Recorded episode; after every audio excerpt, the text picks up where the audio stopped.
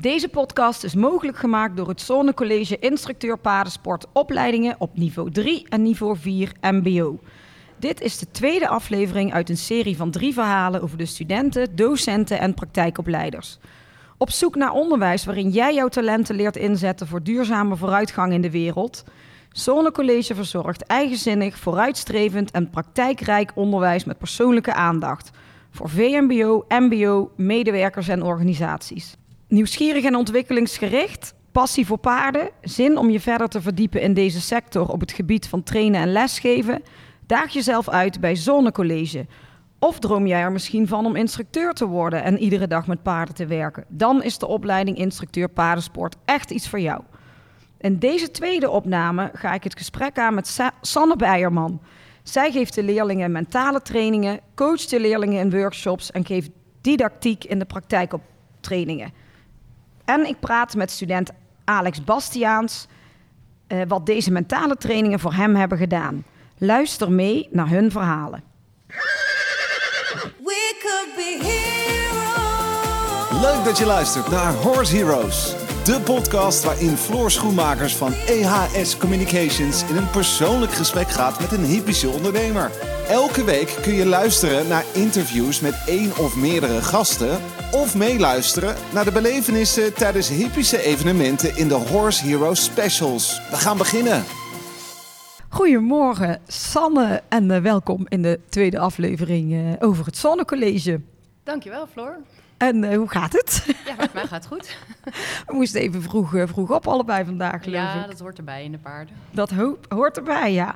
Hey, jij uh, bent een van de, de, de, de leraren, de praktijkbegeleiders en de mentale gedeelte hè, bij de leerlingen. Daar gaan we straks een heleboel over, uh, over vertellen. Wil ik graag weten hoe dat allemaal te werk gaat.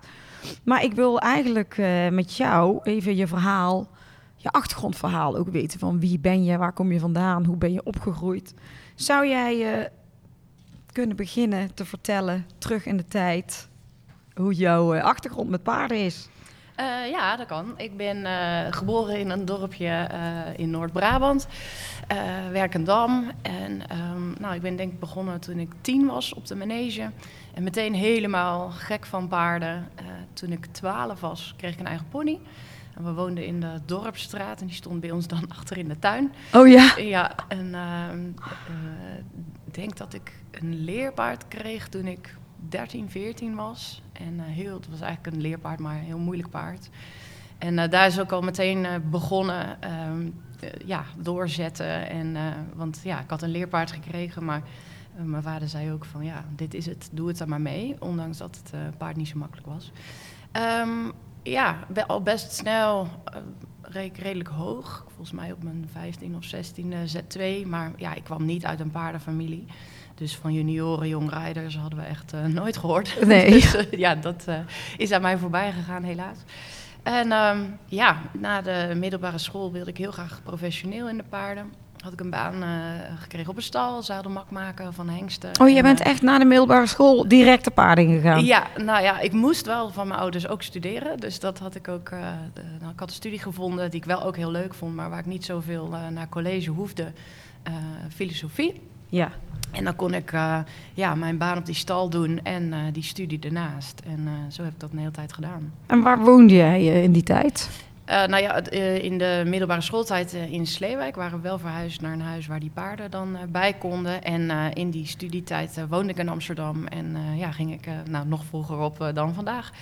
om daar in Sleewijk dan elke ochtend op tijd op stal te zijn om te rijden en te trainen en stallen te doen. Maar je ouders zijn dus wel echt gewoon verhuisd, speciaal dat jij met die paarden door kon ook? Uh, nou, niet echt helemaal daarom. Ze wilden ook wel uh, ja, verhuizen, maar wel ook, ja, het speelde wel mee. Ja. Dat is wel heel gaaf eigenlijk, ja, dat ja, dat gebeurd dat is. zeker, absoluut. toen ben jij filosofie gaan doen en, in Amsterdam en die had daar een kamer en dus heel het op, op en neer ook nog om te rijden. Hoeveel paarden reed jij in die tijd? ik denk zo vijf, vijf of zes. En, en maar hoe oud ben je dan? Heb je het over 16, 17, 18? Nee, na, na de middelbare school. Dus ik denk uh, 18, 19. Ja. ja, ja. Leuk. En um, ja, er vijf of zes? Ja, en dan eh, stallen erbij. En van wie waren die paarden dan? Waren Ja, van die stal waar ik werkte. Oh ja, daar reden die Ja. paarden van. Dan ging je wedstrijden ook? Of, of, of... Ja, dat was meest het zadelmak maken en inrijden. En toen ook van eigenaren zo eh, wat erbij. En eh, zo is dat eigenlijk een beetje door eh, ontwikkeld. Dat is best pittig na een studie, Ja, denk ik. ja maar goed, dat, ik wilde dat. Dus dan ging ik dat ook maar combineren. En wanneer ben jij meer de sport ingegaan? Eh, hoe bedoel je de sport? Ja, dat je echt bent gaan rijden, de wedstrijden en subtop en zo heb je op een gegeven moment... eh, Eh, ja, ik had op een, op een gegeven moment een, een hengst van een eigenaar ge- te rijden gekregen. En ja, die had al wat hoger gelopen. Dus toen ja, ging dat ook vrij snel. En dat is eigenlijk ook een beetje het, moment dat ik in die sportpsychologie eh terechtgekomen ben. Want ik had me toen geplaatst voor een NK in de subtop. Met Ja. echt hele ja, hoge scores en, en veel ruimte tussen mij en nummer twee. En toen kwam ik dat op met dat NK. En toen moest ik daar losrijden met de Grand Prix top. En eh, daar hoefde ik natuurlijk helemaal niet tegen. Maar ja, ze reden daar wel. En ik werd daar echt heel onzeker van. En iedereen stond te kijken. En ja, ik heb daar echt helemaal niet goed gepresteerd. En dat was wel het moment dat ik dacht, oké, dat paard kon het, ik kon het. Maar door mentale ja, druk die ik mezelf had opgelegd, Ja. eh, ging het fout. En ehm, toen ben ik wel nog naar een sportpsycholoog gegaan, maar die had, een, eh, ja, die had een oplossing. En die zei, ja, je moet eigenlijk eh, zorgen dat je een voorbereiding hebt waarin je altijd hetzelfde doet. Hè? Eh, drie minuten dit, vier minuten dat. En eh, ja, toen dacht ik, dat is een hartstikke goed plan als je gaat schaatsen of fietsen. Maar dat kan je niet doen met een paard. Want ja, die is natuurlijk ook elke keer net anders. Of dit je- was een, dat was een sport, eh, ja, een sportpsycholoog. Daar die- ben jij geweest. ja, eh, twee sessies. Maar toen Ja. dacht ik, ja, nee, je moet in de paardensport echt heel specifiek voor deze sport moet er iets zijn voor mentaal. En dus ben ik eh, ook sportpsychologie erbij gaan doen. En eh, ben ik uiteindelijk afgestudeerd op een eh, onderzoek naar de ja, mentale ja, vaardigheden van hippische sporters in, eh, op de Olympische Spelen in Sydney. Oh, cool. Ja, en, en daar kwam, kwamen dus hele duidelijke verschillen uit tussen die ja, heel goed presterende ruiters en de minder goed presterende. En op basis van dat onderzoek heb ik uiteindelijk mijn traject vormgegeven. K- kun je voorbeelden noemen? Want daar ben ik dan wel benieuwd naar. Ja, zij, zij gaan toch anders om met doelen, anders om met focus. Eh, zij hebben, en dat is later nog een keer teruggekomen in een onderzoek voor de KNS, zij hebben toch een heel andere manier van zichzelf reguleren. Nou, en wat het mooie eigenlijk was van die uitkomst, is Mhm. dat bleek, ja, dat zijn niet dingen zo van, ja, pech, als je dat niet hebt, stop maar. Maar echt te trainen. En dus, ja, is op basis daarvan eh, heb ik mijn traject vormgegeven. En sinds 2003 ben ik dan eh, mijn praktijk gestart. Ja, want je, heb, je bent eh, in 2001 afgestudeerd filosofie. Ja, klopt. En in 2003 cum laude in de sportpsychologie. Ja, klopt. En klopt. de, toen ben je daarna meteen met je eigen praktijk Ja. begonnen. Ja, en ja, dat was eigenlijk eh, ja, gewoon gestart. En meteen al ja, heel veel aanvraag en eh, ja, fijne, mooie trajecten met goede resultaten. En ja, zo is dat eigenlijk. Maar je had... Je was in die tijd ook bezig met je sportcarrière. Ja, ik was daarnaast ook eh, met mijn eigen topsportcarrière bezig. Klopt. Hoe heeft dat jou eh, geholpen? Ja, heel erg. Ik weet zeker, ik heb eh, dus inderdaad inmiddels drie paarden naar de Grand Prix opgeleid. En ook echt niet paarden waarvan je zegt, nou, dat zijn dus even potentiële Grand Prix paarden. Maar ik, ja, ik weet zeker dat het ook nooit gelukt was als ik die mentale kant niet zo helder had. En zo ook echt toegepast in mijn eigen rijden. En ehm, je woonde in Amsterdam.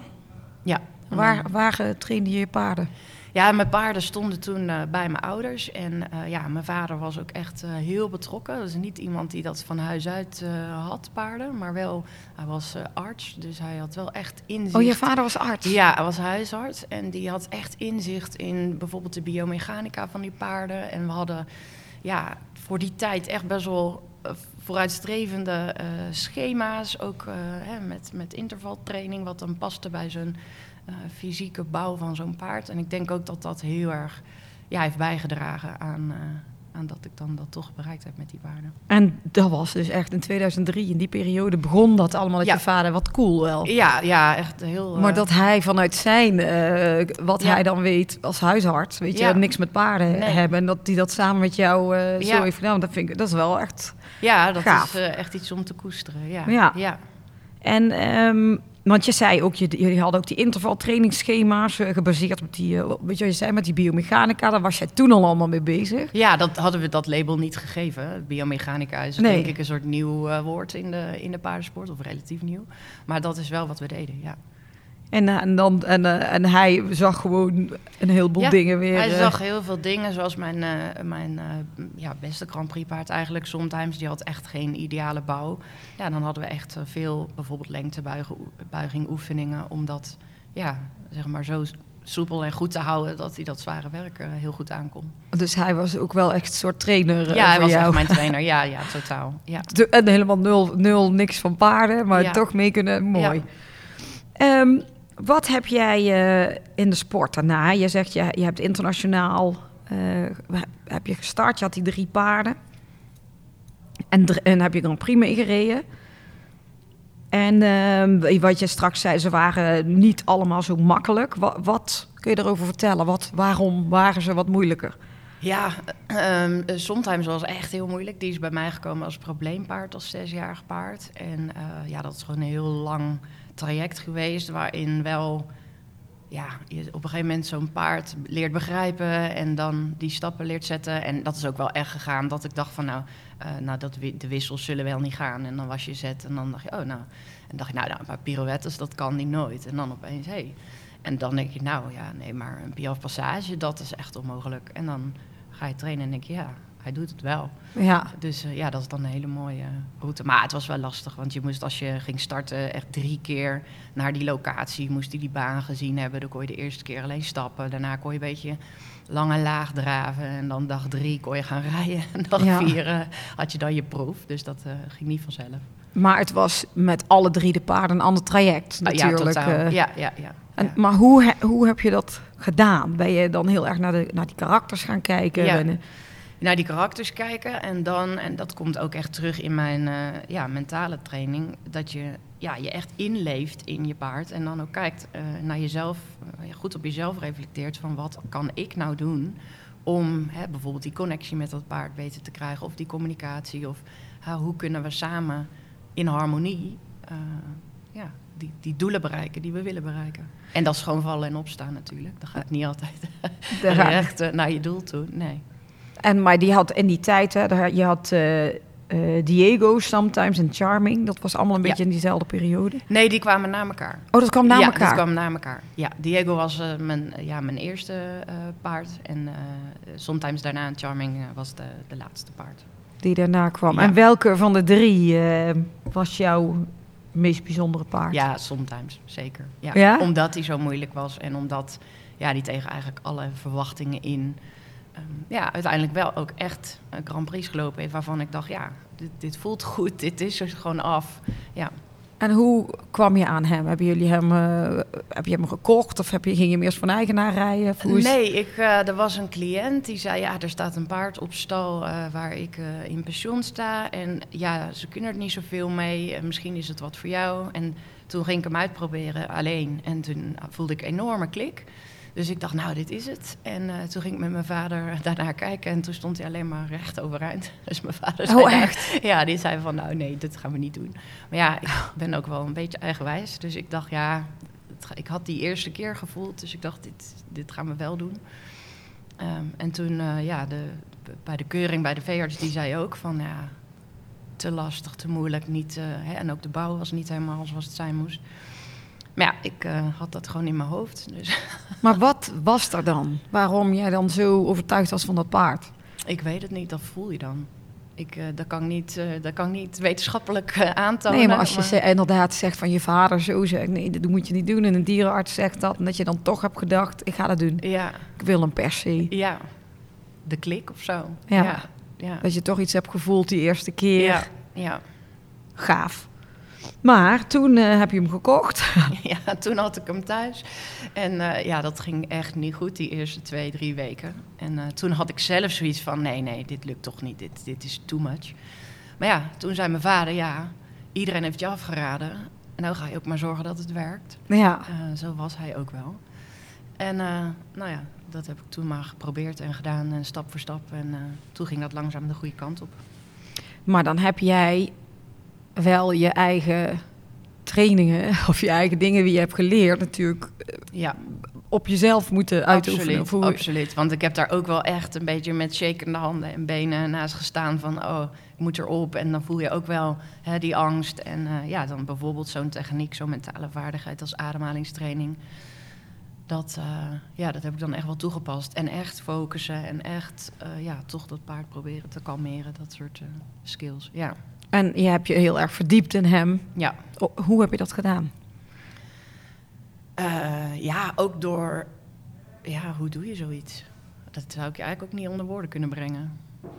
Heel veel, heel veel tijd mee. Ja, eh, heel veel tijd en kijken wat wel werkt en niet werkt. En eh, ja, ook een keer denken van, nou, misschien moet ik toch wat ja, meer, meer streng zijn. En dat werkt niet, dus dan weet je, oké, dat is dan niet de route. Ja, zo. En jouw vader heeft je de hele tijd ook met dit paard Ja, eh, juist met dit paard. Ja, juist met dit paard. Ja. Maar En met het paard daarvoor ook hoor. Dat, eh, ook met die internationale wedstrijden. En daar was hij natuurlijk ook altijd mee. Maar het is wel gelukt. Want Ja. je hebt uiteindelijk internationaal Grand Prix met hem gereden, Ja. of niet? Ja, met sometimes nationaal Grand Prix. En ehm, ja, wel ook in het buitenland. In Duitsland hebben we ook gereden. Ja. Ja. En eh, goede scores gehaald. Ja, Dat ging helemaal goed. ja, ja. en wat gebeurde er daarna? Ja, in eh, 2010 overleed mijn vader, heel plotseling. Dat was echt eh, een heel moeilijke, heel moeilijke fase toen. Want ja, sowieso mis je natuurlijk iemand waar je heel veel mee optrekt, waar je ja, een soort twee handen op één buik bent. Hmm. En ehm, ja, dan is het heel lastig om deze sport eh, in je eentje door te doen. En, ehm, maar goed, ja, het zit zo in mij en eh, het is zo mijn, mijn passie en alles. Dus ja, ik, had wel, ik heb wel besloten om dat te blijven doen. Maar ja, je mist wel een soort dat stukje naar eh Ja, dat snap ik. perfectie. Ja. Maar die paarden stonden natuurlijk ook ja, die stond. bij je ouders. Ja, dus toen hebben we een aantal jaar de paarden in pensioen gehad eh, in de omgeving van Amsterdam. Ja, of nou, ik weet niet, twee, drie of zo. En nu eh, zijn we verhuisd naar Nederhorstenberg, mijn vriend en ik. En daar eh, zijn we een, eh, ja, een groot bouwproject aangegaan. En daar, de paardenfaciliteiten zijn er. En dit jaar gaan we het huis ook eh, verbouwen. Dus eh, ja, dan wordt zo langzaam je droom eh, toch werkelijk. Ik weet Ja. dat ik nog, als ik schriftjes zie van mijn lagere school... En dan zie ik altijd van die paardenspulletjes getekend met stallen aan huis. En het is wel mooi als je dan ook een beetje vanuit sportpsychologie denkt naar het bereiken van doelen. Ja. dat je dan ziet dat zo over zo'n lange tijd toch uiteindelijk zo'n doel behaald wordt. Dat je ja, een beetje thuis je eigen accommodatie hebt. En eh, jouw vriend, heeft hij ook iets met paarden of helemaal niet? Nee, nee, eigenlijk helemaal niet. Maar eh, ja, hij, eh, hij steunt wel heel erg dat we dit doen daar. En nou, hij steunt het. En al de tijd die erin gaat, gedoogt hij. Ja. Nou ja, maar wel gaaf als je dat nu gaat bouwen en je hebt Ja. daar je eigen stalletje en eh, Ja. je kan daar je, je praktijk maken voor die sportpsychologie. Ja, dat is wel Exact, exact. wat natuurlijk, wat je zei, hè, wat in die boekjes stond, dat is wel gaaf als je dat weer terugziet. Ja, Ehm, wat heb jij op dit moment eh van paarden te rijden? Ja, ik heb helaas het afgelopen jaar een beetje pech gehad. Ik heb een hele leuke zevenjarige Expression die eh, eigenlijk klaar was voor de overstap naar de subtop. Maar die heeft een blessure. Eh, ik heb een jong paard, een vierjarige. Dat is ook een beetje een, eh, ja, een heel moeilijk paard. Ik had eigenlijk bedacht dat ik dat dus niet meer ging doen. Maar eh, ja, dan komt zoiets toch weer op je pad. Ja. maar goed, die, eh, dat is nog niet helemaal. eh, daar heb ik de puzzel nog niet gelegd. En ik heb een eh, hele leuke, lieve. eh, ja, die, wordt, die is nu twee, die wordt in januari drie. eh Le Formidable. Die heb ik als veulentje gekocht. En eh, ja, daar heb ik heel veel eh, verwachting van. Ook van zijn eh, karakter. Ik denk dat dat een heel fijn, leuk eh, sportpaard wordt. Ja, dus je hebt wel weer eh, nog wel genoeg leuke paardenmomenten buiten het hele bouwtraject en wat je natuurlijk met de, met, de, met de sportpsychologie aan het doen bent. En ergens ben jij eh, in contact gekomen met Zonnecollege. Ja, klopt. Ja. Hoe is dat gegaan? Hoe is dat gegaan? Nou, dat is heel grappig, want ehm, ik gaf, of ik geef eigenlijk al heel veel jaren ook voor de KNS eh groepscursus. En eh, dat- ik zou niet het jaartal weten, maar in een van de eerste cursussen zat eh, Judith. En ehm, ja, we hebben zowel ook via social media natuurlijk een beetje contact gehouden. En eh, zij benaderde mij inderdaad of ik eh, hier vanuit de ehm, ja, eh, sportpsychologie een bijdrage kon leveren aan de opleiding. En hoe lang eh, ben jij nu betrokken bij het Zonnecollege? We zijn dit schooljaar, zeg maar, of september gestart. Oh ja? Ja. En, maar hoe bevalt het? Ja, leuk. Ontzettend leuk. En het, de, de opzet is ook eigenlijk heel mooi gekozen. Ik geef een aantal workshops over mentale training. En wat dit wel een uniek traject maakt, alle studenten volgen individueel de online training. Mm -hmm. top presteren met je paard. En die online training, dat is een e-learning programma waarin eigenlijk de inhoud van een individueel traject bij mij aan de orde komt. Ik heb dat ook uh, echt in, uh, ja, in 2019 ontwikkeld met het oog op ja, het, het, toegankelijker maken van die mentale training voor een bredere doelgroep. Mm -hmm. Want ik realiseer me ook dat het misschien niet voor iedereen mogelijk is om echt een individueel traject van 10 sessies bij mij te doen, één op één. En um, nou, dat, dat is in tweede, uh, 2019 gelanceerd. En dat, ja, dat loopt heel goed. Daar is veel belangstelling voor. En de mensen die het volgen zijn ook heel uh, ja, blij ermee en enthousiast over. En het Zonnecollege heeft dus gekozen om al hun studenten die e-learning individueel aan te bieden. Zodat zij het hele traject kunnen trainen. Ja. En ja, dan is het natuurlijk ook heel mooi dat ik hier een aantal startworkshops kan geven, zodat ze mij ook kennen en dat we ook ja, toch persoonlijk kunnen werken. Ja, maar waarom vind jij zelf persoonlijk het ook belangrijk dat een instructeur paardensport die studenten van instructeur paardensport les krijgen in mentale training. Waarom is dat belangrijk? Ja, kijk, je hoeft als instructeur natuurlijk absoluut geen sportpsycholoog te zijn. Dus daar zit wel echt een verschil in, in vak. Alleen, um, ja, het is wel goed als je dat kan herkennen. Als bijvoorbeeld een leerling of een ruiter um, uh, en een paard uh, spanning hebben. En je kan dat niet echt op die manier uh, ja, zien of je, je snapt niet helemaal hoe spanning effect kan hebben, bijvoorbeeld op het hulpen geven van de ruiter. Hè, bijvoorbeeld onder stress uh, verstrakken spieren. Ja.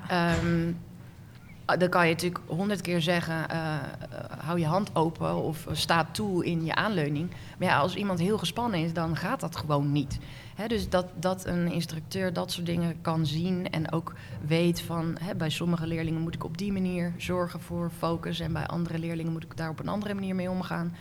Ja, dat, um, ik denk dat het heel waardevol is en heel belangrijk. Kun je een, een, gewoon een voorbeeld noemen wat wel eens gebeurt dan? Hè? Als iemand uh, les geeft, wat je net al een beetje zegt, weet je, als er te veel uh, spanning is of dit of dat.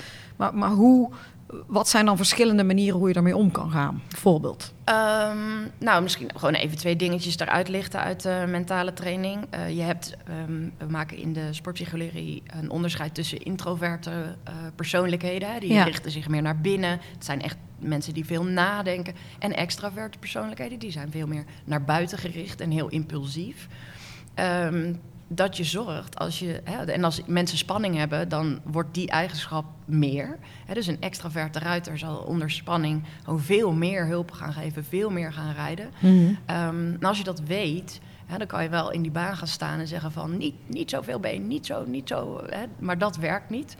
Um, dan kun je daar uh, als instructeur beter op ingrijpen door bijvoorbeeld uh, ja, rustiger of uh, iemand even weer nou, bijvoorbeeld een time-out te geven met een stukje stap. Ja. Um, en hè, bijvoorbeeld bij een introvert, uh, introverte ruiter, uh, dat je niet gaat zeggen, ga nou eens rijden, ga nou eens rijden. Want dat maakt voor zo'n ruiter dat hij nog meer spanning krijgt, want hij denkt dat hij het niet goed doet. En dan gaat hij nog minder doen. Ja. ja dus dat je dat soort mechanismen van persoonlijkheden begrijpt als instructeur, zodat je daar ook ja, een ander antwoord op kan hebben interessant. Wel, ik zit, ik zit me nou te luisteren. Ik, ik heb natuurlijk een dochter van tien. Ja, ja. Met een pony die je dan wel eens probeert te helpen. Die natuurlijk van iedereen alles aanneemt, behalve van de moeder. Ja. dat ik dan denk, oh, misschien moet ik ook soms dingen anders ja. zeggen tegen haar. Ja. Maar dat is, dat is best moeilijk. Ik ben natuurlijk al niet officieel instructeur natuurlijk. Dus, Ja. Maar het is wel meer je helpen je. Dit is wel grappig, het voorbeeld wat je zegt. Ja. Het is wel herkenbaar. Ja. Maar ehm, er zijn eh, verschillende leerlijnen hè, op het Zonnecollege. Leerjaar 1, eh, leerjaar 2 en leerjaar 3. Hoe zien die eh, leerlijnen eruit? Als je begint gewoon leerjaar 1, wat leren ze dan? Ehm, nou hoop ik dat ik het allemaal goed zeg, want we zijn nu gestart. Dus wat het volgend jaar hebben we het hele 1, 2, 3 eh, helemaal in gang gezet. Maar in ieder geval loopt op hoofdlijn het van ehm, loopt het op hoofdlijn van uh, dat ze eerst focussen op zichzelf als ruiter Mhm. uh, en daarna uh, meer naar zichzelf als instructeur. dus de mentale training die ze volgen, het e-learning programma, in het eerste stuk van de opleiding focust dat op hè, als ik zelf rij, hoe communiceer ik dan met mijn paard, hoe focus ik me, hoe ontspan ik me als ik gespannen ben. En in, de, in het laatste jaar gaat het echt over uh, precies die mentale vaardigheden, maar hoe zet ik die in vanuit mijn rol als instructeur. Dus dat, uh, ja, zeg maar, een soort de, de, de verschuiving. De, ja, de verschuiving. Jij zei net ook uh, iets over de workshops. Ja. Hoe zien die eruit? Ja, in die workshops um, hebben we, zit ook een heel stuk didactiek. Ja. Want dat is een van de andere uh, dingen die ik natuurlijk ook meebreng in deze opleiding. Ik ben ook docent en uh, ik heb ook uh, ja, veel kennis van didactiek, ook uit het onderwijs. En ik denk dat we binnen de paardensport en de paardensportopleidingen nog best wel veel kunnen leren van de didactiek zoals die binnen het onderwijs ontwikkeld is. En daar neem ik ook dingen van mee. En dan denk je het, heb je het over feedback geven, maar ook um, hoe bouw ik een les op, hoe gebruik ik creatieve werkvormen. Want gelukkig zijn er tegenwoordig wel veel meer variaties in de manier waarop mensen lesgeven. Maar ja, als je kijkt, vroeger was het natuurlijk echt uh, zit recht, hou je hakken naar beneden. dat soort echt instructief. Ja. Um, maar ja, leerlingen leren beter als je echt aansluit bijvoorbeeld op de persoonlijkheid van een leerling. Als je ja, varieert in werkvormen, als je ook een beetje aan kunt sluiten bij de leerstijl van een bepaalde leerling. Dus die, dat komt aan de orde in de workshops. En um, um, jij bent zelf uh, ook trainer, uh, niveau 5 opgeleid instructeur, toch? Ja, correct. En waarom wil jij je expertise op dit gebied ook delen met de studenten van het Zonnecollege? Ja, omdat precies eigenlijk door dat laatste wat ik, uh, wat ik net noemde, dat ik denk dat we binnen die paardensport nog echt wel veel stappen kunnen maken in die manier van uh, didactisch uh, lessen vormgeven. Hmm. En um, dat stuk ja, komt eigenlijk ook niet echt in die coach 5 opleiding aan de orde. En ik denk dat dat eigenlijk in alle niveaus, of je nou manegeles geeft of een Grand Prix trainer bent, die, die, ja, die werkvormen of die, die manier van didactisch kunnen variëren, creatiever zijn daarin. Ik denk dat dat heel, uh, ons heel veel gaat opleveren in de paardensport. Ja, dat geloof ik wel. Ben jij een uh, soort van exclusief verbonden hier aan het Zonnecollege? Nee, nee, nee. Ik uh, heb deze opdracht en daar ga ik helemaal vol voor. Maar ik werk ook nog voor, bijvoorbeeld voor andere opleidingen. Het is eigenlijk wel leuk dat de laatste jaren daar uh, toch veel vraag naar is. Ja, ja, want dat zal ik me net af te vragen. Is dit iets wat uh, echt speciaal op het Zonnecollege, die samenwerking met jou? Of zijn er meer opleidingen die ook ja, nee, met jou werken? Het uh, ARES opleiding, daar, daar werk ik ook mee samen. En met de Van Haal Larenstein Hogeschool. Daar, daar zit geen praktijk bij. Dat is meer. want de praktijk lijkt me wel ja, heel is, belangrijk. Is, hè? ja, absoluut. Die, dat, dat vind ik ook heel mooi om te doen steeds. Inderdaad, de wetenschap en de theorie te verbinden echt met, met de praktijk en dan ook echt in de baan met de paarden.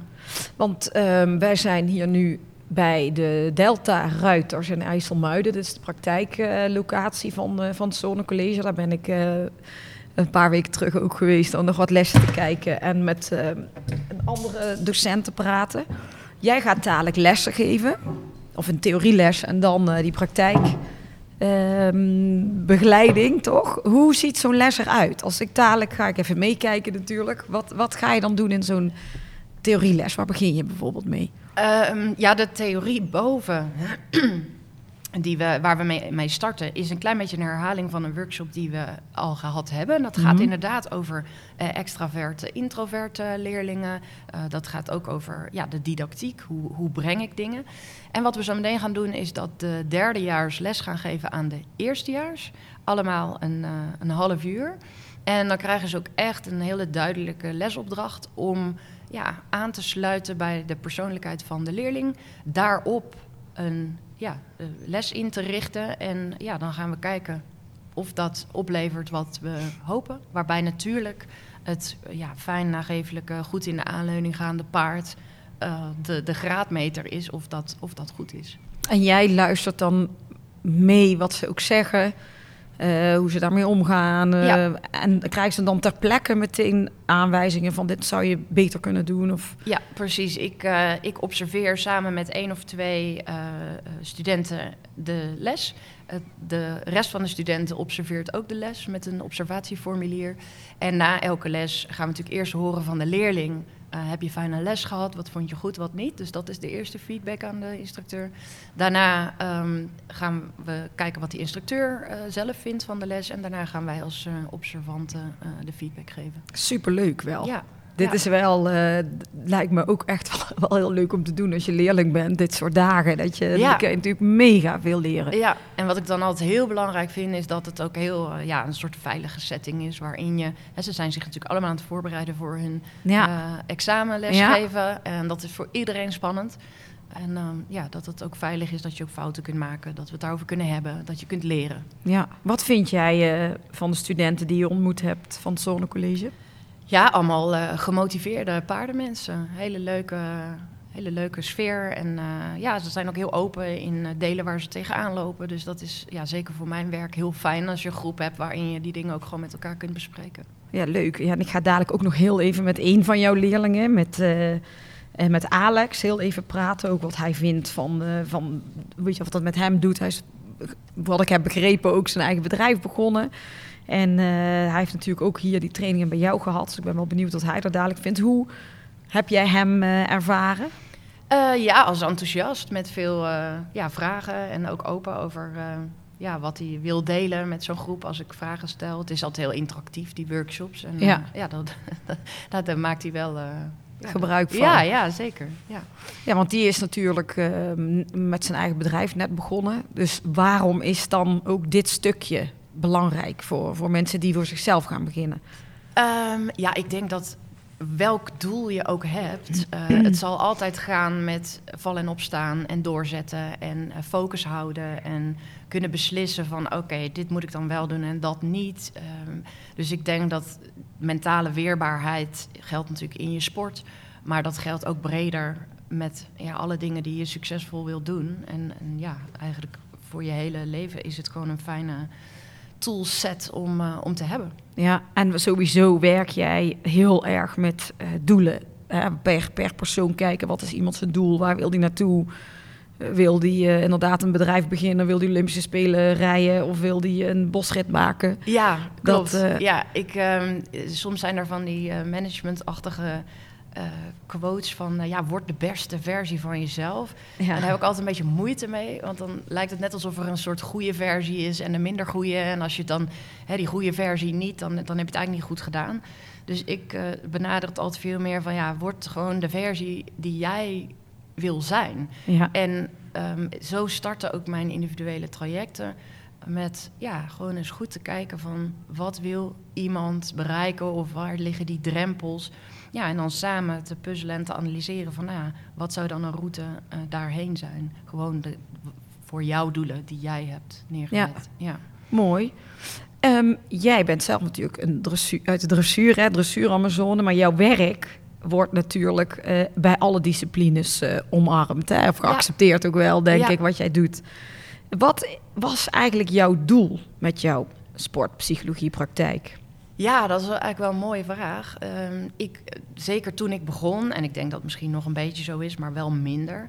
eh, ja, was het altijd best wel een beetje eilandjes in onze paardenwereld. Hè? Als je dan eh, Ruiter X begeleidde, dan was je op stal I niet welkom. Ja. En ik had meteen ook zoiets van, ja, ik wil gewoon een eh, ja, mentale training bieden die ja, gewoon verbindt en, en voor iedereen is. En dat is eigenlijk wel ja, gewoon heel mooi gelukt. Ik heb samenwerkingen met eh, heel veel grote stallen. Inderdaad, eh, springen, dressuur, eventing, ijslanders, eh voltige. Ehm, dus ja, daar ben, ik, daar ben ik best trots op. Dat dat een ja, een soort algemeen iets is wat, wat mensen graag willen doen. Ja, super. Dus daar mag je ook trots op zijn. Want dat Ja. is ook, denk ik, dat stukje verbinding uiteindelijk. Dat het allemaal toch om die paarden Ja, draait. Want ehm daar is natuurlijk ook best wel eh, wat verschillen paardenland. Hè, die we merken, ook verschillende gedachten. En we, Ja. eh, iedereen vindt wat van elkaar. Hoe, hoe kijk jij daar tegenaan? Eh, ja, dat, dat, ik, je ziet dat. En ik denk dat het ook misschien een beetje hoort bij de ja, samenleving in het algemeen op dit moment. Dat dingen toch wel ja, een beetje polariseren. Ik, ik merk zelf heel erg die verbinding. Ik merk heel erg ja, dat eigenlijk iedereen zo hard werkt en discipline moet hebben. Ehm, of je nou financieel er supergoed voor staat of wat minder. Iedereen heeft die passie voor dat paard. En of je nou in trainingssysteem X of Y traint. Iedereen wil ja, toch eh, voor mijn gevoel eh, samen met zijn paard ehm, ja, die, die doelen halen. En ja, toch eigenlijk iedereen op een goede manier. Dus ja, ik voel vooral ja, dat we allemaal met hetzelfde bezig zijn en dat we een enorme hartstocht en passie delen voor het paard. En ja. ja, ik zou het best mooi vinden als we daar iets meer op zouden kunnen inzoomen. Ja, ja, maar ja, dat is natuurlijk het uh, onderwerp van de dag in paardenland volgens mij. Ja, exact, exact, ja. Um, nou ja, er, uh, er zijn natuurlijk een, je hebt best wel wat plannen. Hè? Je gaat natuurlijk lekker bouwen, je nieuwe stal. Je bent hier volop aan de gang voor het zonnecollege. Wat zijn jouw uh, doelen voor de toekomst? Nou, ik heb uh, echt nog wel die wens om met nog een paard weer naar die Grand Prix te gaan. Het, ja, het kriebelt nog steeds en ja, dat, dat zit zo erin. Dus dat wil ik heel graag. Dus ik hoop echt nog dat dat gaat lukken met één. Ja. Uh, en nog een ander, uh, toch wel heel groot doel, is dat ik uh, ben in 2014 heb ik een groot onderzoek gedaan voor de KNS naar de zelfregulatie van de Rabobank destijds talenten. En nou, dat was een heel gave opdracht en daar kwamen hele mooie resultaten uit. Toen had ik niet de, de tijd, omdat we ook echt nog helemaal in die bouw zaten, om uh, daar verder onderzoek naar te doen. Maar dat heb ik nu wel opgepakt weer in afgelopen jaar. Dat heb ik ook nog helemaal niet gedeeld op social media, maar dat, oh. moet nog, dus je hebt de primer. um, om daar een promotieonderzoek naar te doen. En ik heb een samenwerking met de Universiteit van Amsterdam. Ja. En uh, nou, ik ben uh, nu, ja, denk halverwege mijn eerste artikel daarover. En ja, ik hoop daarop, nou ja, dat gaat echt nog een heel, heel aantal jaren duren, maar om te promoveren nog, ja. Leuk, maar kun je daar iets meer over vertellen, wat dat precies, wat daar uitkomt, wat daar... Ja, wat daar uitkomt is dat je als, hè, dat gaat dus even over de, de data van alle KNS-talenten uit het plan, zoals dat ja, vanaf de start tot 2014, alle talenten die daarin gezeten hebben, die hebben we onderzocht. En wat blijkt is dat niet, ja, zeg maar bijvoorbeeld je ouders hebben een grote stal, je ouders hebben topsport gedaan of hè, financiële middelen doorslaggevend is, maar het zelfregulerend vermogen van de talenten. Nou, wat is dat? Het in staat zijn om te zeggen: dit is mijn doel, daar wil ik heen, keuzes te maken, het door te zetten bij tegenslag. En dus echt uh, te plannen, te monitoren, echt op jezelf te reflecteren uh, in de moeilijke momenten. Dat dat doorslaggevend is voor het behalen van uh, de top. Gaaf. Ja. Dus en, dat heb je weer helemaal weer opgepakt en nu weer door. Ja, precies. Dat, en dat hoop ik inderdaad dan ook wetenschappelijk verder uit te bouwen. Ja, ja. snap ik. Um, kun jij um, mensen die luisteren, die paardrijden, die iets met paarden doen, die lesgeven, is er een soort algemene tip die jij kan geven als mentale coach, waar gewoon iedereen wat aan heeft? Uh, nou ja, eigenlijk wel. Uh, dat is ook de, de, de start van de trajecten. Hè. Kijk naar jezelf. Kijk eerst eventjes. En dan, we zijn natuurlijk altijd geneigd om te kijken. Oh, en dit is een minpunt en dit is een valkuil. En mijn paard heeft dit en dit wat lastig is. Maar start eerst maar eens bij je succesfactoren. Hè. Waar ben je goed in? wat kun je gewoon zelf als en, en ook je paard, waar liggen die kwaliteiten? En um, als je daar eerst op inzoomt, dan maak je al een heel veel mooiere positieve start. En natuurlijk moet je dan gaan kijken aan welke obstakels er zijn, uh, bijvoorbeeld in de training met je paard of uh, bij jezelf. Um, en, en daar moet je aan werken. Maar ik denk dat die uitgaan van je eigen kracht, ja, toch het, het beste startpunt is. Je kan niet uh, belangrijke doelen halen, niet als sporter, ook niet als ondernemer, door het te willen doen zoals een andere doet. Nee. Je kan het alleen maar doen door, door bij jezelf te kijken van oké, okay, hoe ga ik het doen? Ja, mooi. Is dit ook iets uh, wat je vader jou heeft geleerd? Ja, ik denk niet letterlijk, maar ik denk wel dat dat helemaal uh, erin zat. Ja, wij hebben ook, ja, wij, ik bedoel, we hadden natuurlijk hartstikke goed thuis, maar ook niet de middelen om uh, te zeggen van, nou, we kopen eens een paar toppaarden en daar gaan we. Dus we hebben dat ook wel eh, ja, zelf moeten uitvogelen. Eh, ik weet nog heel goed naar uh, Hickstead Internationaal. Met de trailer stonden we daar tussen alle grote vrachtwagens. Maar ja, we reden wel, wel bovenaan mee tussen de, de, de topruiters die nu nog steeds in de Grand Prix aan de top lopen. Dus ja, dat, ja dat, dat, dat is wel mooi. Dus dat zou zeker een tip zijn die ik anderen zou willen geven. Doe het op jouw manier, denk goed na, reflecteer. En dan, ja. dan is er heel veel mogelijk leuk. Als mensen uh, meer van jou willen weten en uh, willen zien, ook uh, workshops willen volgen, gewoon willen weten wat jij precies doet, waar kunnen ze meer zien van jou? Ja, heel makkelijk op mijn website, sannebeierman.nl en natuurlijk op mijn social media. Ja, en alle leerlingen die nog een studie moeten kiezen en aan twijfelen zijn, wat moet iedereen weten over het Zonnecollege? Uh, dat het een ontzettend leuke uh, school is, ontzettend mooie opleiding. Uh, waarbij echt met oog voor de leerlingen en dus inderdaad wat ik net heb toegelicht, ook een heel mooi, ik denk uniek, individueel pakket ja. geboden wordt. dus ja, dat, dat, kan ik aanraden. En vooral denk ik ook voor leerlingen met hoe de situatie nu is in paardenland. Hè, met het hele paardenwelzijn verhaal. Hoe ga je met je dieren om? Hoe ga je met jezelf om? Ga je een bedrijf beginnen? Wat wil je allemaal doen, dat dat stukje mentaal ook super belangrijk is uh, om goed te doen. Als je kijkt naar, uh, naar paardenwelzijn en paardvriendelijk uh, paardrijden en lesgeven, dan kun je bijna niet om dat stukje mentaal heen. Nee. want je kan in het meest paardvriendelijke rijsysteem trainen. Maar ja, als jij op spanning op zo'n wedstrijd, ja, wat ik vertelde aan het begin, je, je spieren worden strakker, je gaat zo'n paard toch korter pakken dus ik denk dat dat mentale deel, uh, ja, vooral als je kijkt naar paardenwelzijn en in harmonie met een paard trainen en presteren, dat dat er ja, een superbelangrijk deel is. Ja, nou mooi verteld allemaal. Sanne, ik wil jou uh, heel hartelijk bedanken voor jouw tijd. En heel veel succes wensen met de bouw en met al je dingen die je nog gaat doen. En met je hele onderzoek. wat je verder gaat doen met dat wetenschappelijke verhaal wat je zei. En samenwerking met, met Amsterdam. En natuurlijk met uh, alle leerlingen op het Zonnecollege. En ik ga dadelijk uh, nog even met een van jouw, uh, of jullie leerlingen in gesprek. ben ik benieuwd hoe, hoe dat wordt ervaren door de studenten zelf. Ik ook. En ehm, super bedankt. Dankjewel Floor. En, en succes met deze leuke podcast. Graag gedaan. Doei.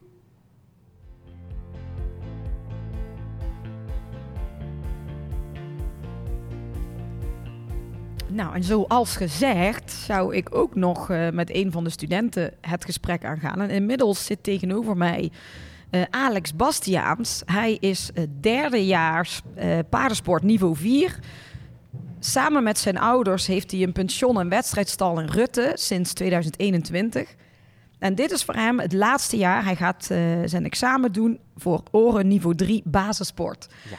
Hallo Bast. Alex, Bastiaan wou ik zeggen. Sorry, hallo Alex. hallo, hallo. Ja, hallo Floor. Wat leuk, leuk zijn. Ja, en leuk dat jij even tussen je lessen door uh, tijd neemt om, uh, om even met mij te praten over je opleiding.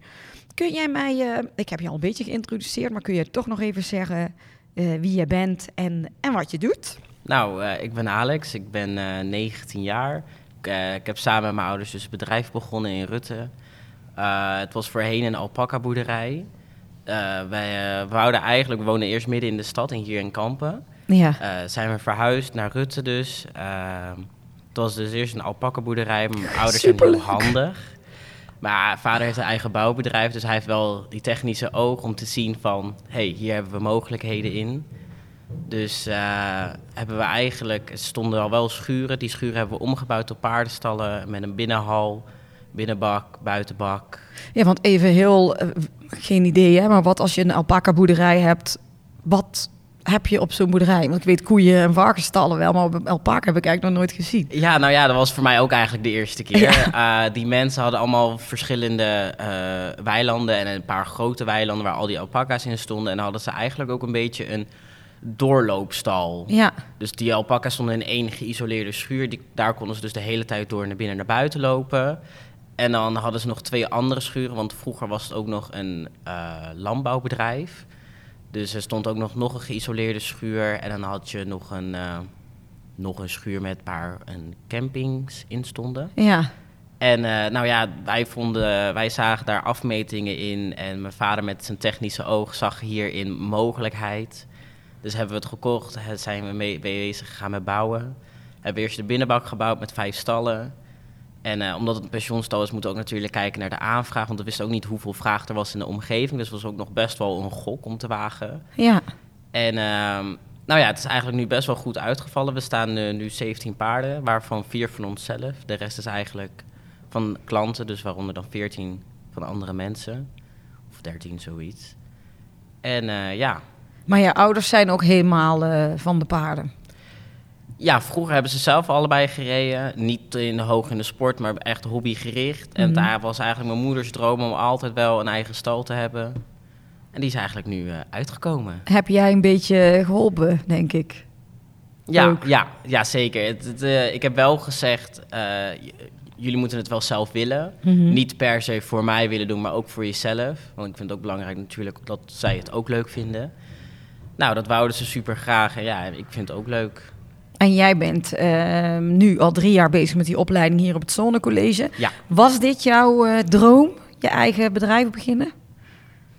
Ja, ja, het is zeker wel een droom. Ik vind het ook wel superleuk eh, dat ik ook bijvoorbeeld dan stage loop bij andere bedrijven. Om daar ook te zien. Want dan kan ik dan vergelijken met mijn eigen bedrijf. Van hoe ga ik dat dan straks later doen? Want ik ben nu natuurlijk bezig fulltime met school nog. Ja. Want ik doe de bolopleiding.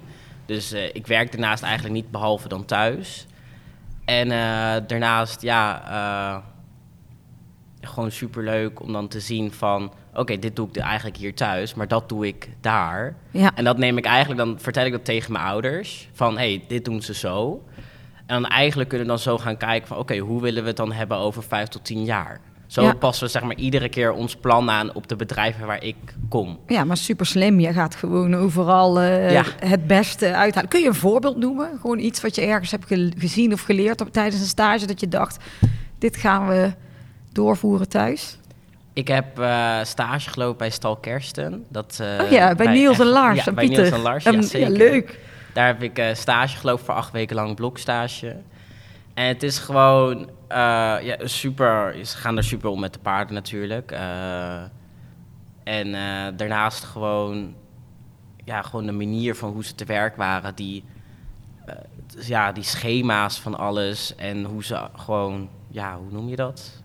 Management. Ja, Het dat. stalmanagement Ja, helemaal. Je denkt, dat. wil ik ook. Ja, Ja. en zij zitten natuurlijk... ehm, ik ken die al heel lang. Eh, Ja. Pieter en zo. Ik heb echt jaren terug een van hun allereerste websites gemaakt. Toen waren Niels en Lars nog heel klein. Oh, ja, En die zijn nu natuurlijk helemaal eh, super in de sport aan de gang. super leuk. Heb jij daar eh, ook iets mee gekregen met hoe zij mentaal daarmee omgaan met dat heel sportstukje? Want er ligt ook best wel wat druk natuurlijk, die wedstrijden. Die jongens zijn ja, jong, maar heel talentvol. Ja, zeker. Wat heb jij daarvan meegekregen? Nou, ik zie vooral dat ze heel erg nuchter bleven.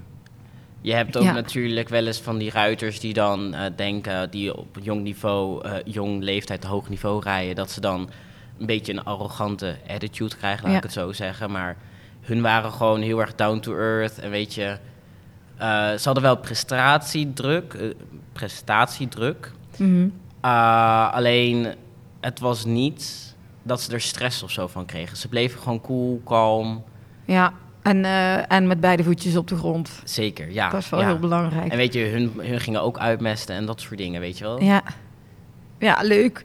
Ehm, jij eh, zit op het Zonnecollege. Ik heb net een heel leuk gesprek gehad eh, met Sanne. Die ken jij natuurlijk. Daar heb Ja, jij vaak les van. Ja, heel leuk. Hoe ervaar jij die lessen? Wat gebeurt er in zo'n les?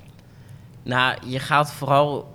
eh, we zijn vooral bezig met eerst jezelf ontdekken. Dus Mhm. we gaan kijken, oké, ben je heel basisgericht? Ben je een introvert, extravert? Hoe leer je? Eh, en dat kan jij dan eigenlijk, leren we dan ook weer om dat toe te passen als instructeur zijn naar onze lesklanten. Ja, Eh, en dan daarin kunnen we dan reflecteren naar onszelf van oké, hoe kunnen we ons aanpassen aan onze leerling, laat ik het zo zeggen. Mhm. En daarbij dan verschillende leerstijlen gaat zij ons dan leren brengen. Dat brengt ze dan ons aan van oké, hier ga je dan een beetje zo mee om en daar ga je zo mee om. En Ja. zo weten wij in bepaalde situaties hoe wij kunnen ons eh, aanpassen aan onze leerlingen. Aan je leerlingen, ja. Want ze vertelden net inderdaad hoe, dat, hoe, ze, hoe dadelijk zo'n les eh, in zijn werk gaat. Maar dan heb je het echt over het instructeurgedeelte. Ja. Heeft het jou ook geholpen in je ondernemerschap? Ehm, het heeft me wel meer een spiegel voor mezelf gedaan. Eh, ik krijg ook bijvoorbeeld dan op school de vak profileren. Dus dan leer je ook hoe je jezelf in de markt gaat zetten. Ja, ja Eh, leuk. Ja, daarom. En dan vooral dan in combinatie met Sanne erbij. Dan kijk je echt naar jezelf. En dan ga je jezelf je kwaliteiten op papier zetten. En dan eigenlijk kan je ook zien van... oké, welke kwaliteiten mis ik in mijn bedrijf? Ja, En als je die kwaliteiten mist, dan kan je dan bijzoeken door bijvoorbeeld dan uiteindelijk je werknemers die je dan in de toekomst, die ik dan ga aannemen in de toekomst, die die eigenschappen die ik mis bij kunnen brengen in het bedrijf. ja. Ja, leuk. Want je hebt eigenlijk ook, want je zegt, je hebt natuurlijk eh, die stages gelopen. Heb, Ja. je, heb je heel bewust die bedrijven Ja, ook uitgezocht eh, voor hoe je dit met je eigen bedrijf wil gaan doen? Want jullie hebben nu 17 paarden, zei je. Hè? ja, ja. Wat is jouw, eh, jouw ambitie? Met je, met je opleiding, met je bedrijf? Mm, ja, mijn, echt mijn grootste ambitie om, om zelf ehm, niveau 5 instructeur te worden, dus Ja. de coach. Eh, mijn passie ligt ook wel echt bij dat lesgeven. Ja, rijden is superleuk. Eh, alleen ik word zelf niet gelukkig van 9, 10 paarden op een dag rijden. Eh, dus ik wil vooral wel trainingspaarden dan gestald hebben bij mij thuis. Deels pension aanhouden, omdat het ook wel gewoon gezellig is dan op stal. En ja, dat vind ik ook super belangrijk. Die Ja, maar leuk op om te, ja, maar bedoel, als ik jou zo hoor en zie, dat bedoel, je bent echt, je hebt inderdaad mensen zo bam, focust op de sport. Ja, Of inderdaad het lesgeven, het trainen, andere Ja, mensen, zeker. pensioen. En jij bent echt wel zo'n gezellige die, die daar Ja. eh, naartoe gaat. ja, zeker. Ik vind ook wel... Kijk, paardensport is al een best wel een individuele sport. Ja. En je ziet nu steeds wat meer een beetje afgunst opkomen op wedstrijden. Voorheen was altijd eigenlijk wel het springwedstrijd altijd waarvan iedereen dacht, wow, dit is gezellig. Maar zelf kom ik nu ook weer op wedstrijden en dan word je eigenlijk een beetje met de nek aangekeken en denk je van, nou, wat heb ik hier dan eigenlijk te zoeken als ik... Dus ik ga voor mezelf echt gewoon, ik vind het belangrijk dat ik zelf mijn plezier erin hou. Dus daarom Ja. wil ik, ik, ik heb heel veel plezier in dat lesgeven. En ik ga mezelf dan ook niet pushen dat ik acht, negen paarden op een dag moet rijden. Want daar word ik zelf niet gelukkig van. En dan haal ik dat stukje passie uit de paardensport weg Ja. voor mezelf. En dat wil ik zeg maar niet, voor de Nee. liefde van de paarden. Dat snap ik. En ik denk inderdaad wat je hier, de combinatie wat je op het zonnecollege leert, eh, het lesgeven, het rijden, maar het mentale, hoe ga je met mensen om, Ja, dat zeker. dat ook heel belangrijk is. Want ik moet zeggen, ik ben op best wel heel veel bedrijven heel mijn leven al geweest. En wat je vaak ziet, is dat, gelukkig minder nu, maar dat paardenmensen vooral van paarden houden. En niet zo van mensen. Dat die zo, weet je, dan kom je een stal zo. binnen en dan staat iemand te vegen. En dan denk ik, hallo, Ja. kan je even iets zeggen? Even, eh, hallo, hoe kan ja, ik je helpen? Maar dat is denk iets? ik ook iets wat je ook leert bij Sanne. Dat het niet alleen maar is, focus je zo op die paarden, maar ook op de... Op, op Ruitercombinatie. ja, hoe ga je gewoon met Ja. mensen of met je pensioenklanten om, of met je, met je leerlingen, met alles waarom je je bedrijf, die uiteindelijk jouw bedrijf succesvol maken. Ja, zeker. Ja, daar worden we ook natuurlijk in opgeleid. Kijk, deze opleiding is natuurlijk wel erg gefocust op rijden en lesgeven. Ja. Maar ook wel op een stukje management van Ja. je bedrijf. Kijk, je hebt... eh, niet iedereen heeft de beschikbaarheid die ik heb. Dus een eigen bedrijf kan thuis beginnen. Dus je hebt ook wel in de klas zitten die dan als stalruiter aan het werk gaan. Ja, Maar Ja. dan heb je alsnog wel dat stukje eh, ja, mentaliteit nodig om te kunnen communiceren met nou ja, als je stalruiter ergens bent, zul je vaak voor klantenpaarden moeten rijden of op concours. En dan is Ja. dat, eh, dat stuk natuurlijk ook wel weer belangrijk. Wat voor student moet je zijn om deze opleiding te volgen? Eh, je moet een student zijn die heel veel van paarden houdt en die heel graag wilt leren.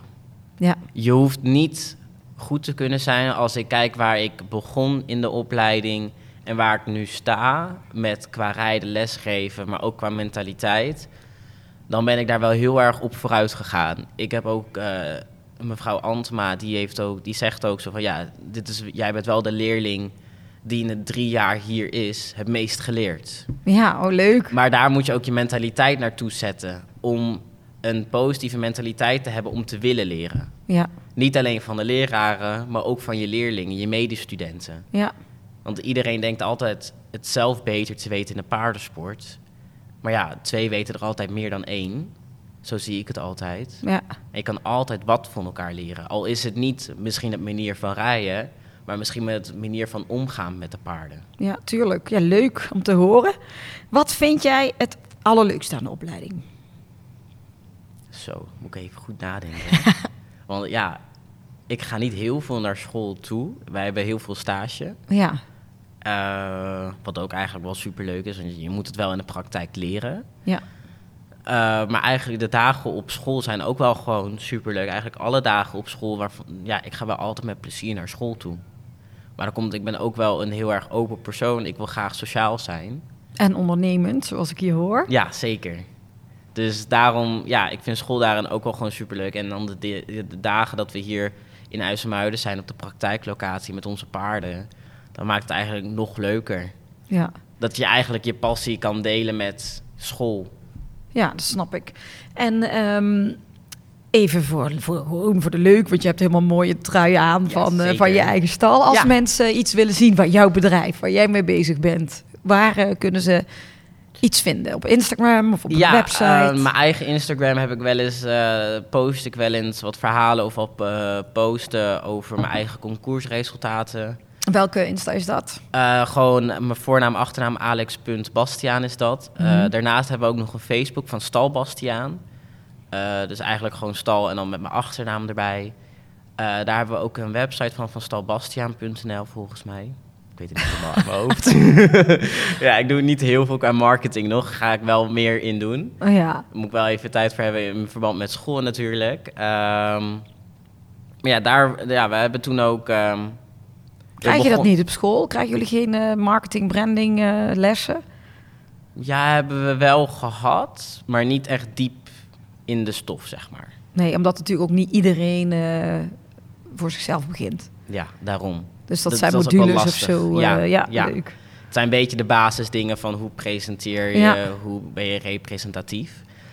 Ehm, we hebben toen ook een hele serie aan posts gedaan op Facebook van eh, hoe het was begonnen, hoe het er voorheen uitzag en hoe het eigenlijk in drie, vier maanden tijd is omgebouwd tot paardenstal. Ja, leuk. Want we Oh begonnen... ja, toen het die alpakas ja, eh, zeker. waren. Ja, want we, we hadden het in maart 2021 kregen we de sleutel. We hadden het in september hadden we het al gekocht in 2020.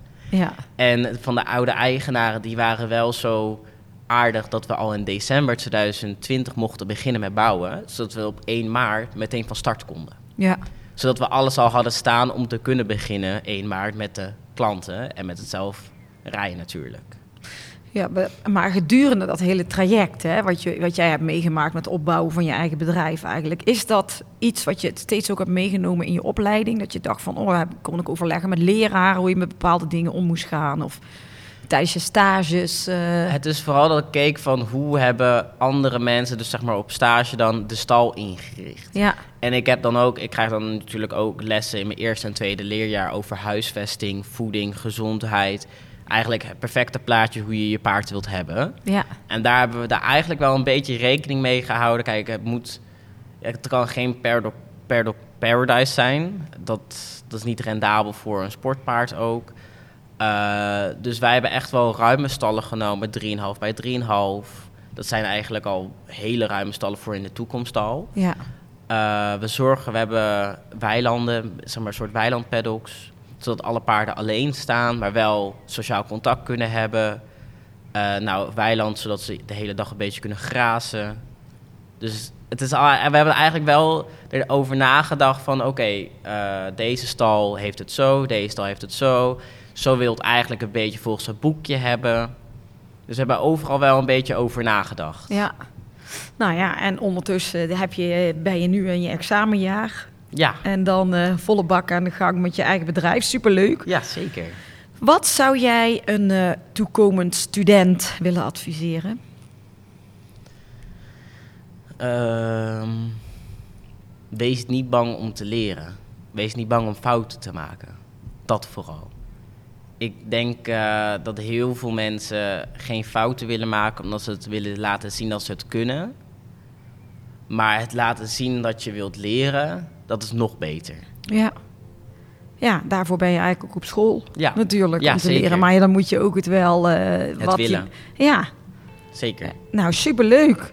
Nou, Alex, ik wil jou eh, heel erg bedanken voor, eh, voor Ja. je verhaal. Hartstikke leuk. Ik ga je volgen dadelijk. Ga ik meteen Nou, kijken even leuk. op, op stalbastiaan.nl. Ja, nou helemaal leuk. en ik ga nog heel even meekijken bij jullie eh, in, eh, in de theorieles van, Ja. eh, van Sanne. En dadelijk in de praktijk hoe dat eraan toe gaat. Dan ben ik ook wel benieuwd om te zien hoe jullie op elkaar reageren.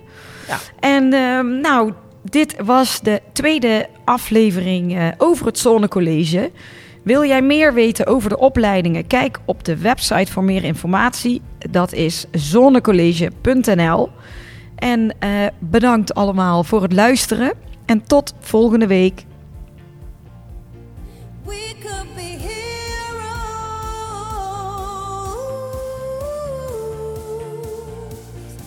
Dit was hem weer, de Horse Heroes podcast. Wil je meer weten over Floor, haar bedrijf of deze podcast?